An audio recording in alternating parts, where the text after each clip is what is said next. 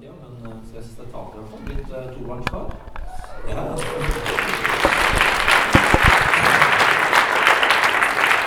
Det har vært veldig, veldig kjekt. Veldig kjekt. Alt bra med lille Frida. Hun er fin her. Uh, og jeg har levd i sånn pappaperm-boble i et par uker og prøvd å bevege meg ut igjen denne uka her.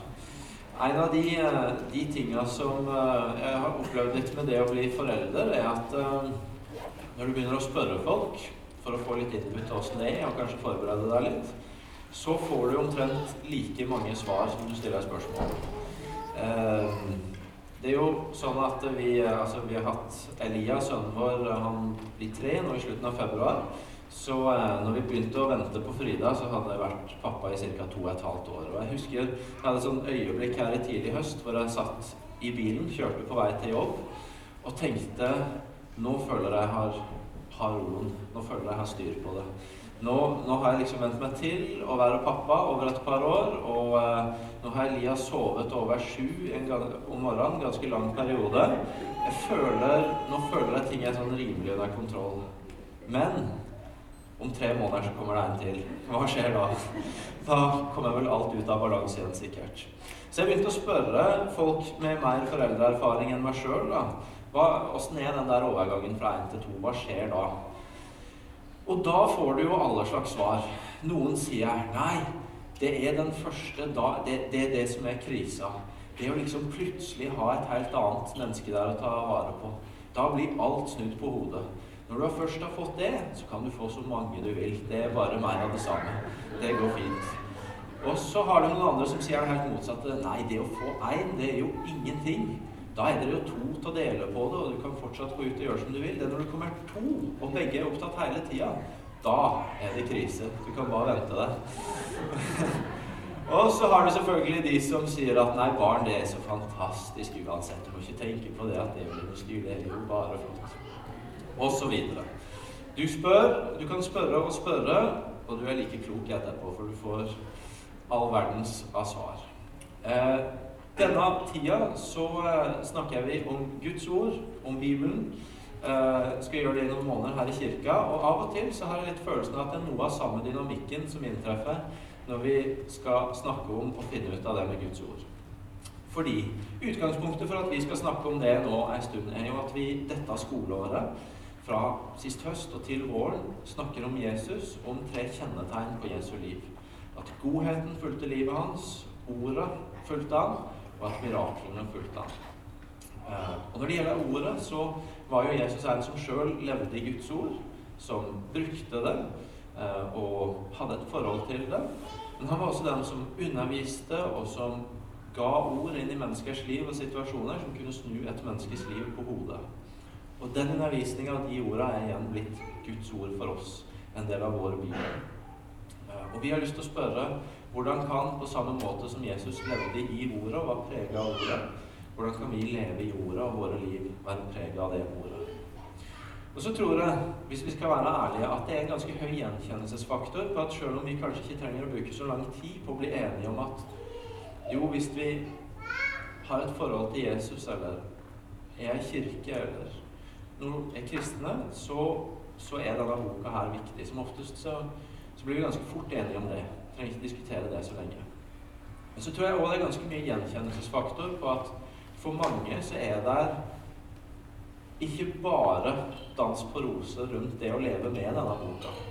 Jeg har i hvert fall som ungdomsleder og pastor og i mange forskjellige settinger vært med i ganske mange samtaler, og noe av de tingene som sies, er at eh, jeg får ikke noe ut av det.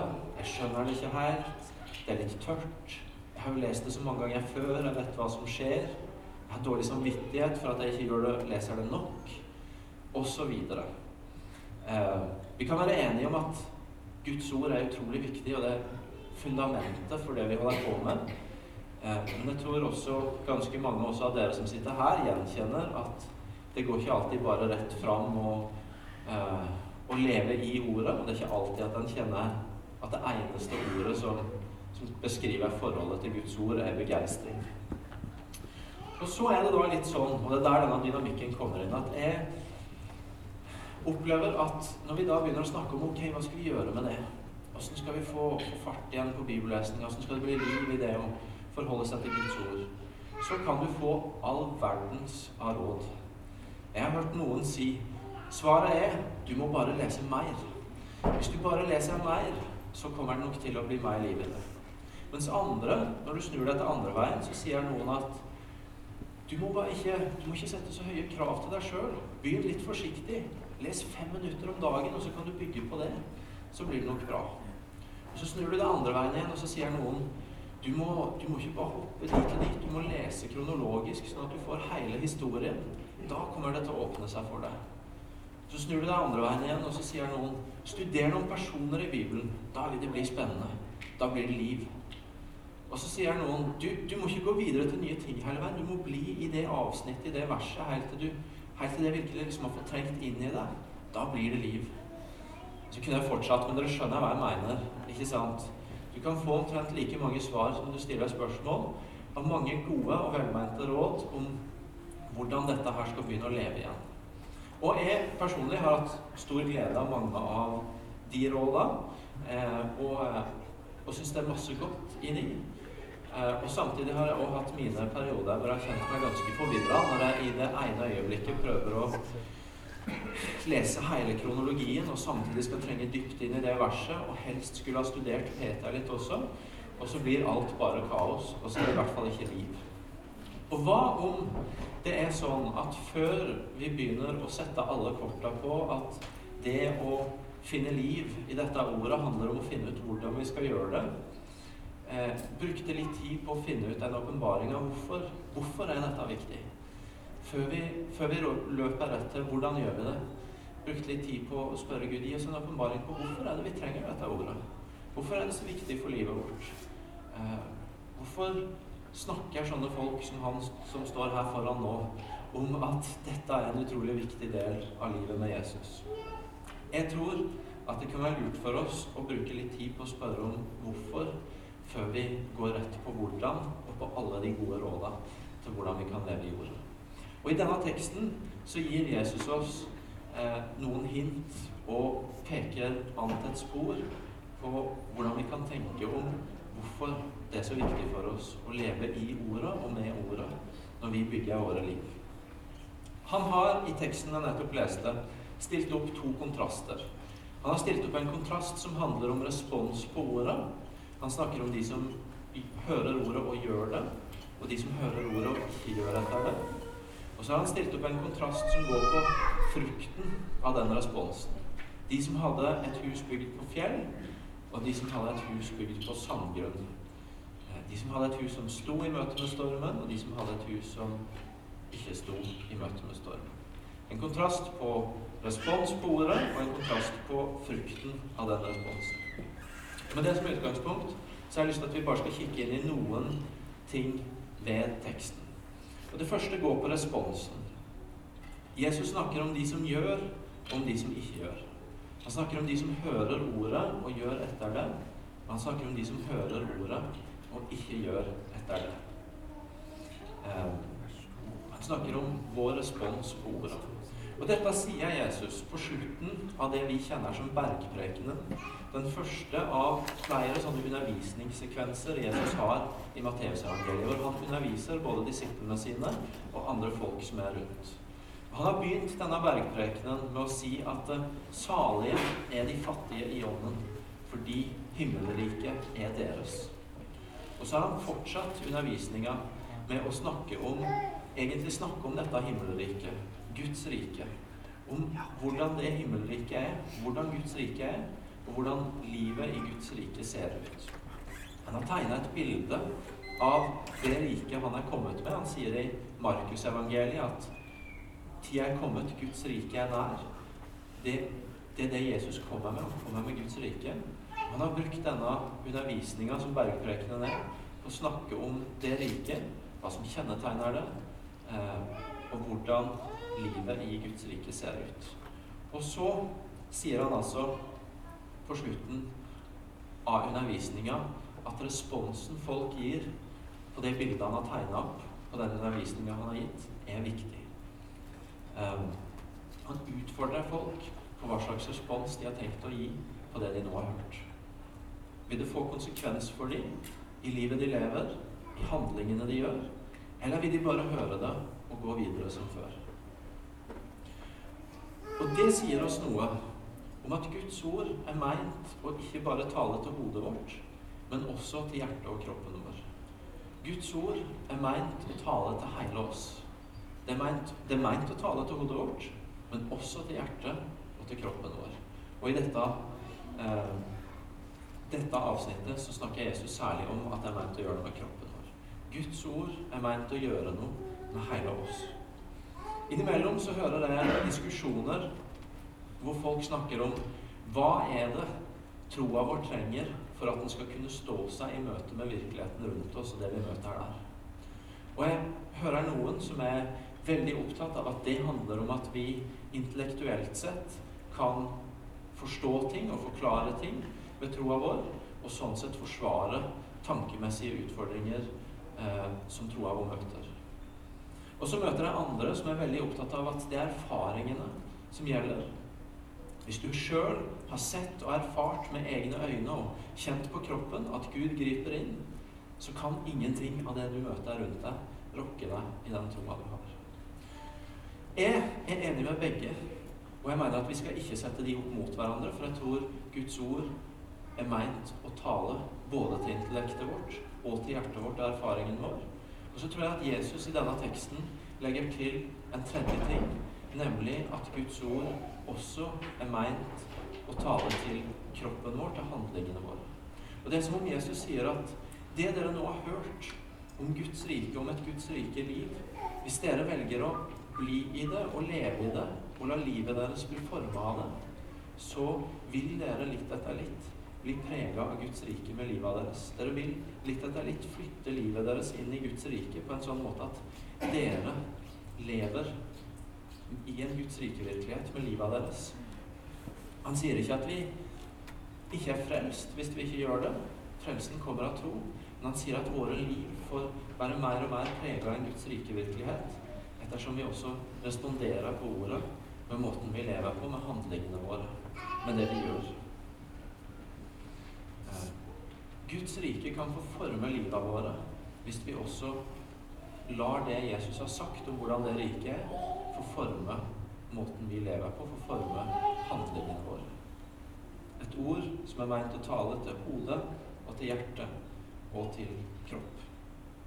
Og når 2000 ungdommer denne helga har gitt Vi vet at de i hvert fall har gitt over 80 000 kroner, og de ga litt i går kveld også, kanskje har de gitt mer de har i hvert fall gitt over 80 000 kroner til papirløse innvandrere og matkuponger til de.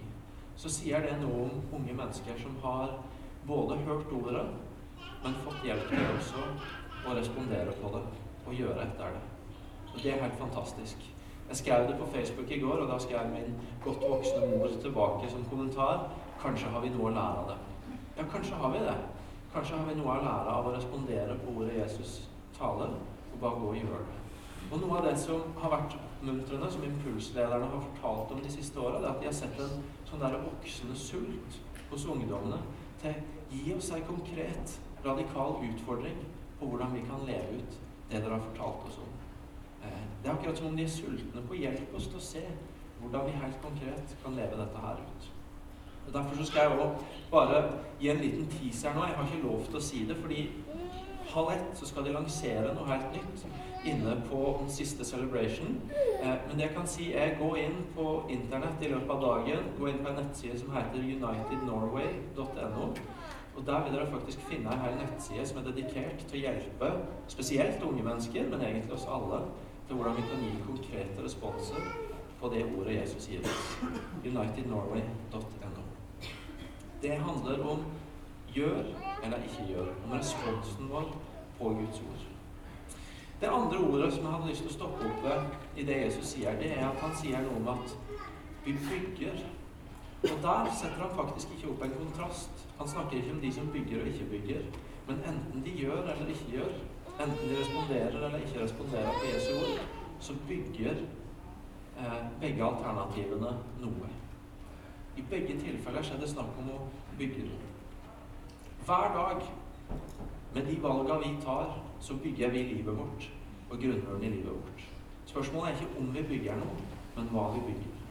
Og Jesus er opptatt av å vise i denne teksten noe om at vi bygger, vi bygger livet våre, og vi bygger en, et fundament for livet våre. Han er opptatt av å sette oppmerksomheten vår på hva vi bygger, og hvordan vi bygger det. Og det å bygge, det tror jeg de fleste som har vært involvert i det, og dere som hører til her, vet at jeg har dissekert i detalj hvor lite flink jeg er til å bygge og gjøre praktiske ting, så jeg skal ikke begynne med det nå. Men jeg har lært nok til å vite at det å bygge, det er ikke et øyeblikk, men det er noe som skjer over tid. Å bygge tar gjerne litt tid. Og det å bygge et liv, og det å bygge et fundament for livet, det er mer en prosess enn det er en hendelse. Det er mer noe som pågår over tid, enn det er en hendelse der og da. Rich Atkinson, en av de som skal, er med på Impuls og skal undervise på lederdagene nå, han skrev i en bloggpost litt tidligere denne uka Han er engelsk, så jeg skal lese det på engelsk først. Jeg skal prøve å oversette det litt fritt etterpå. Han skriver at It takes a moment to make a decision for Jesus, but a lifetime to work that decision out. Kan, det tar et øyeblikk å gi livet ditt til Jesus, men det tar resten av livet ditt å finne ut av hva den avgjørelsen innebærer. Eh, det å bygge et sånt Guds rike liv, det å bygge et disippelliv, det er en prosess som varer hele livet igjennom. Denne helga har vi sett Jeg snakka med Halvor rett før gudstjenesten begynte, og han sa alle tall og sånn er ikke på plass ennå, men han visste at han ikke tok for hardt i hvis han sa at det er i hvert fall 100 ungdommer som har konkret kommet fram og gitt en respons på frelsesinnbydelse denne helga. Men det er helt fantastisk. Ja.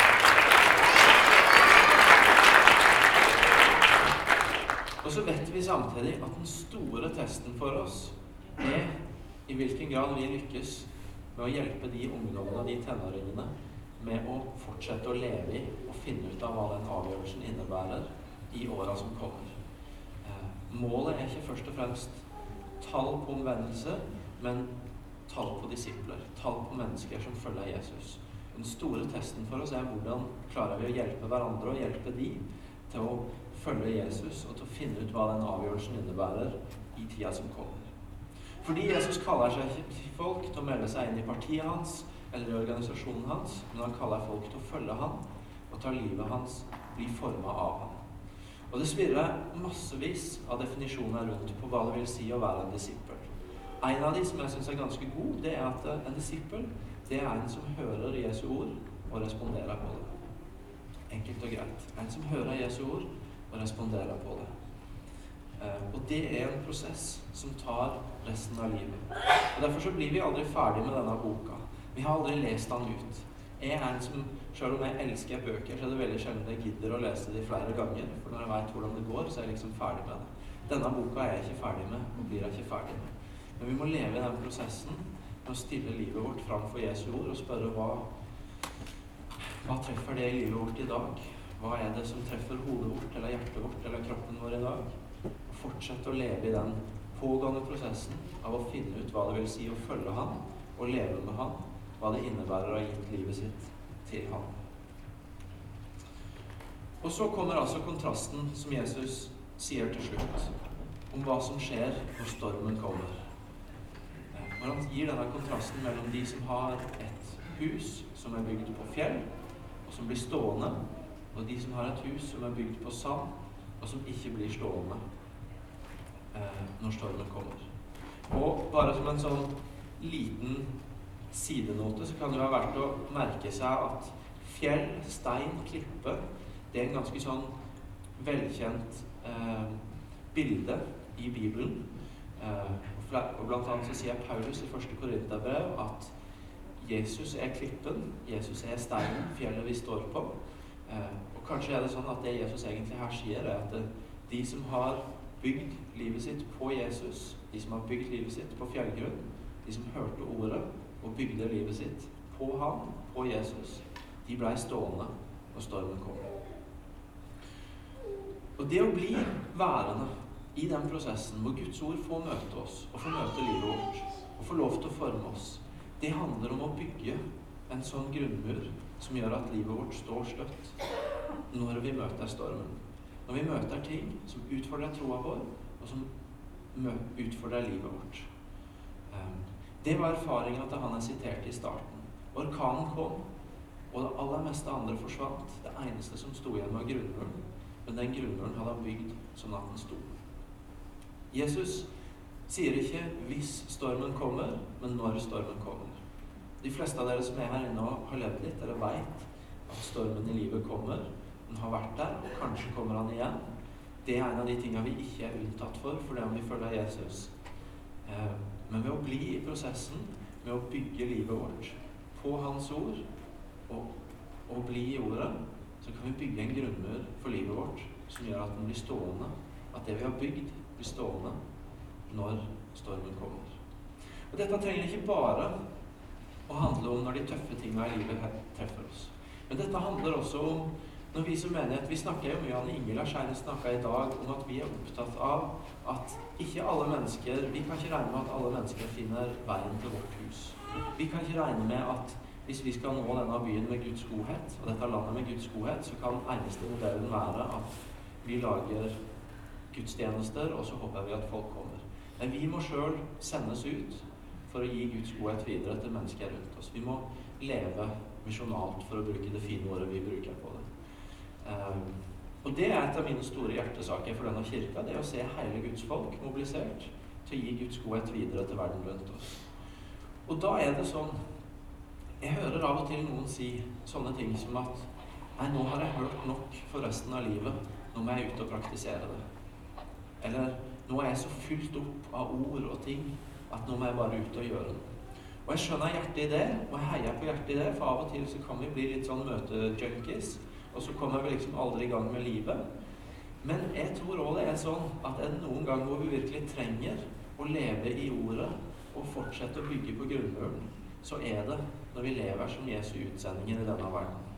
Eh, når vi trenger å hele veien ha en grunnmur som tåler de tinga vi møter i virkeligheten rundt oss, i verden rundt oss. Det er ikke sånn at enten så lever du med Gud her inne i kirka, eller så lever du der ute og på et eller annet vis prøver å praktisere oppsamla kunnskap fra de siste 20 åra.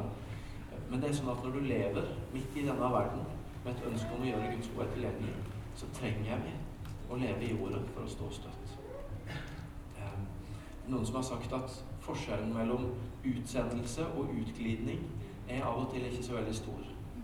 Eh, forskjellen mellom å ha et ønske om å gjøre Guds godhet tilgjengelig på jobben sin og å komme full hjem fra den firmafesten, er ikke alltid så himla stor.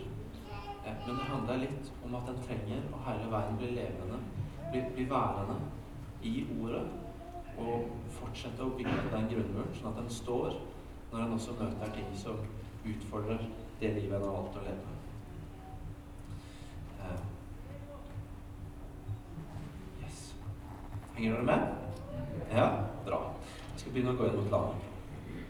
Jeg tror at hvis vi har klart for oss hvorfor vi trenger å leve i jorda, så kommer vi til å finne ut av hvordan. Det trenger ikke være så himla komplisert. Vi kan høre alle de gode råda om mye eller mindre, om tematikk eller personer eller kronologi eller alt sånt, og lære av det som er nyttig med det. Men, eh, men jeg tror det finner vi ut av hvis vi har fått en åpenbaring på hvorfor vi trenger å leve i dette ordet og bygge livet vårt på det. I kapitlene som følger i Matteusevangeliet, så går Jesus ned fra berget, ned fra det stedet hvor han underviser, og så går han ut og gjør noe som var veldig uvanlig i hans tid. Han går ut, og så helbreder han spedalske. Han vekker en død til live. Og det han gjør, er egentlig at han tar på mennesker som er i jødisk religion ureine, og så blir de reine. Og det som var det vanlige, det var at uh, sånne mennesker måtte du ikke være i nærheten av. Du måtte ikke ta på dem, fordi eh, da ville du sjøl bli urein. Og Så snur Jesus helt rundt på det. Han er den som kan ta på det som er ureint, og så blir det reint. Eh, og så møter det all slags mulige responser. Um, og Fariseerne er noen av de som gir respons på det. Og fariseerne er jo troende, skrift, skriftlærde folk. Folk som har styr på ordet. Og allikevel så ender de opp med å ikke forstå hva han gjør. De skjønner ikke hvorfor Jesus er kommet, de skjønner ikke hva han driver med. Og derfor så stiller de òg, i møte med det Jesus gjør, alle de gale spørsmåla til hvorfor han, hvorfor han gjør det han gjør. De spør bare negative spørsmål om hvordan kan han gjøre dette, og er han fra den onde, og hva handler dette om? Eh, og så går de glipp av å få tak i det han egentlig gjør. Og så har du disiplene der, som på et eller annet vis har fått med seg hva det er Jesus kaller dem til. At han kaller dem til å følge ham, til å la livet sitt bli forma ham. Og de òg stiller masse spørsmål til Jesus. Og på en måte så er spørsmåla disiplene stiller, de er mye dummere enn fariseerne sine. De er mye mer sånn Hæ? Men allikevel så er det mye bedre spørsmål. Fordi det er spørsmål som tar utgangspunkt i at de har forstått hvem Jesus er. De har forstått hva det er han kaller dem til, nemlig å følge ham. Og så prøver de å finne ut av hva det vil si, og hvordan de kan la livet sitt bli forma. Og jeg tror at hvis vi søker etter Jesus Hvis det er det det handler om, å la meg få bygge en grunnmur i livet som kan stå, at å ta det som utgangspunkt, så kan vi finne alle mulige måter å jobbe det ut på i hvordan vi praktisk lever i dette ordet. Jeg tenkte til slutt at jeg bare skulle si dere hvordan jeg gjør det. Eh, nå har jeg jo sagt at dere ikke skal høre på så mange råd, men finne ut sjøl. Men allikevel, la meg bare være konkret, og så skal jeg si hvorfor jeg gjør det etterpå. Hvorfor jeg forteller dere det. Eh, for meg så, så, fungerer dette veldig enkelt i hverdagen. Det er ikke så veldig mye hokus pokus lenger. Jeg leser en tekst eh, fra en bibelleseplan jeg følger. Og jeg leser den ofte flere ganger om dagen. Jeg leser den gjerne på starten av dagen. Og så leser jeg den sammen med staben her på huset etter lunsj. Og så leser jeg den gjerne med kona mi etter at ungen har lagt seg. Så jeg får mange sjanser til å få den til å synke inn, siden jeg er litt tungnem noen ganger. Og så gjør jeg egentlig bare en enkel ting. Jeg spør hva er én ting som står ut herfra? Hva er én ting som du taler til meg i dag, Jesus? Det er masse ting å henge seg opp i denne teksten, men hva er den ene tingen i dag som, som jeg kan få lov til å ta med meg videre? Og med det som bakgrunn så spør jeg Jesus i bønn Ok, med det som bakteppe, hva vil det si for meg å følge deg i dag, Jesus? Hva vil det si for meg å følge deg i dag? Og av og til så bruker jeg en amerikansk forfatter som heter Dallas Willard. Han har sagt at noen ganger så er vi altfor lite konkrete når vi snakker om det med å følge Jesus. Vi, det blir veldig sånn abstrakt. Hva vil det si å følge du, Jesus? Så han har gitt meg et spørsmål som jeg av og til bruker når jeg strever med å komme inn. Han sier det er mye bedre å spørre Jesus hvis du var med i dag, hva ville du gjort da? Um, hvis du var med når du skal møte det mennesket, eller hvis du var med når du skal gjøre sånn og sånn, hva ville du gjort da, Jesus? Så egentlig leser ordet, finner én ting som står ut, og spør Jesus hvordan kan jeg respondere på det i dag. Og egentlig så er det ikke så veldig mye mer komplisert det Jesus tegner opp for oss i denne teksten. Nemlig hør ordet fra Han, og respondere på det. Og så vil du med det bygge et fundament i livet ditt. Hør ordet, og respondere på det. Og med det så bygger du et fundament i livet. Mer komplisert trenger det ikke være, men den prosessen trenger vi å leve i hele veien. Vi trenger dette ordet for å bygge et liv og bygge et fundament som kan stå seg i møte med alt det livet bringer. Um, å følge Jesus er meint å være enkelt å forstå, men utfordrende å leve. Vi har en tendens til å gjøre det vanskelig å forstå, men lett å leve. Eh, vi kan gjøre alle mulige komplekse ting ut av hvordan bibellesinga vår skal funke, og hvordan vi skal leve i ordet. Men la oss gjøre det enkelt. Det handler om å høre ordet og respondere på det. Og så kan det av og til hende at det å ta ut den responsen er utfordrende. Men da er vi der vi skal være som disipler. Så for uka som kommer, tenk igjennom hva er, hva er byggesteinene i min grunnmur? Er det noen vers, noen steder fra Bibelen som jeg vet at det er, min, det er en del av min grunnmur, som jeg kanskje kan hente fram og puste litt støv av igjen og, og, hente inn i livet mitt? Og spørsmål to hvordan bygger jeg på grunnmuren i livet mitt nå? Hvordan hører jeg ordet og responderer jeg på det, sånn at grunnmuren min står støtt nå? Er det noe jeg kan justere på? Sånn at jeg er sikker på at jeg lever i den pågående prosessen av å følge Jesus hver eneste dag. Skal vi reise oss og be sammen?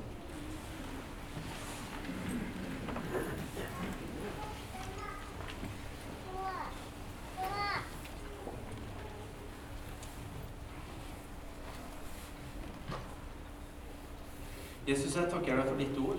Jeg takker deg for at du har gitt det til oss. Jeg takker deg for at det er noe helt håndfast som vi har fått, og som vi kan forholde oss til. Som sier noe om hvem du er, og som sier noe om eh, det du har lyst til å gjøre i våre liv. Og vi bekjenner Jesus at vi trenger å høre fra du på nytt og på nytt, igjen og igjen. Noen ganger så trenger vi å høre før ei tøff uke at du elsker oss, sånn at vi kan få respondere på det og gå i tillit at vi er elska, sjøl om denne uka er tøff. Noen ganger så trenger vi å høre dine ord om å holde ut når vi kjenner at nå er det like før vi skal gi opp. Noen ganger så trenger vi å høre ordet om å elske våre fiender når sinnet er i ferd med å ta fullstendig kontroll over oss. Noen ganger så trenger vi å høre ordet om å elske naboen vår når isolasjonen er i ferd med å bli kjennetegnet på livet. Du veit sjøl, Jesus, hva alle vi som er her inne, trenger å høre akkurat nå. Og jeg ber deg for denne dagen og for denne uka om at du skal gi oss en sånn åpenbaring sånn, hvor vi kan høre ordet ditt og forstå hva det betyr for våre liv, og få lov til å respondere på det. Takker deg for et ord som går både til hodet og til hjertet og til kropp, som går til hele oss. Jeg ber deg om at det skal få være noe av kjennetegnet på oss. At vi får møte ordet ditt med hele oss.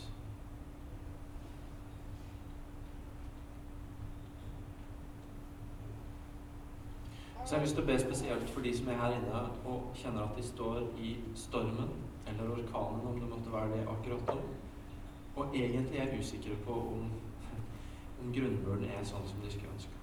Jeg takker deg for at du er en utrolig nådig Gud. Uh, og uh, dette er ikke et budskap om at da er det ikke håp for dem, men dette er et budskap om at også midt i stormen så kan de få lov til å gripe fast i den grunnmuren du gir. Så gi de et ord, gi de noen byggesteiner som kan få bli til trøst og til liv midt i stormen.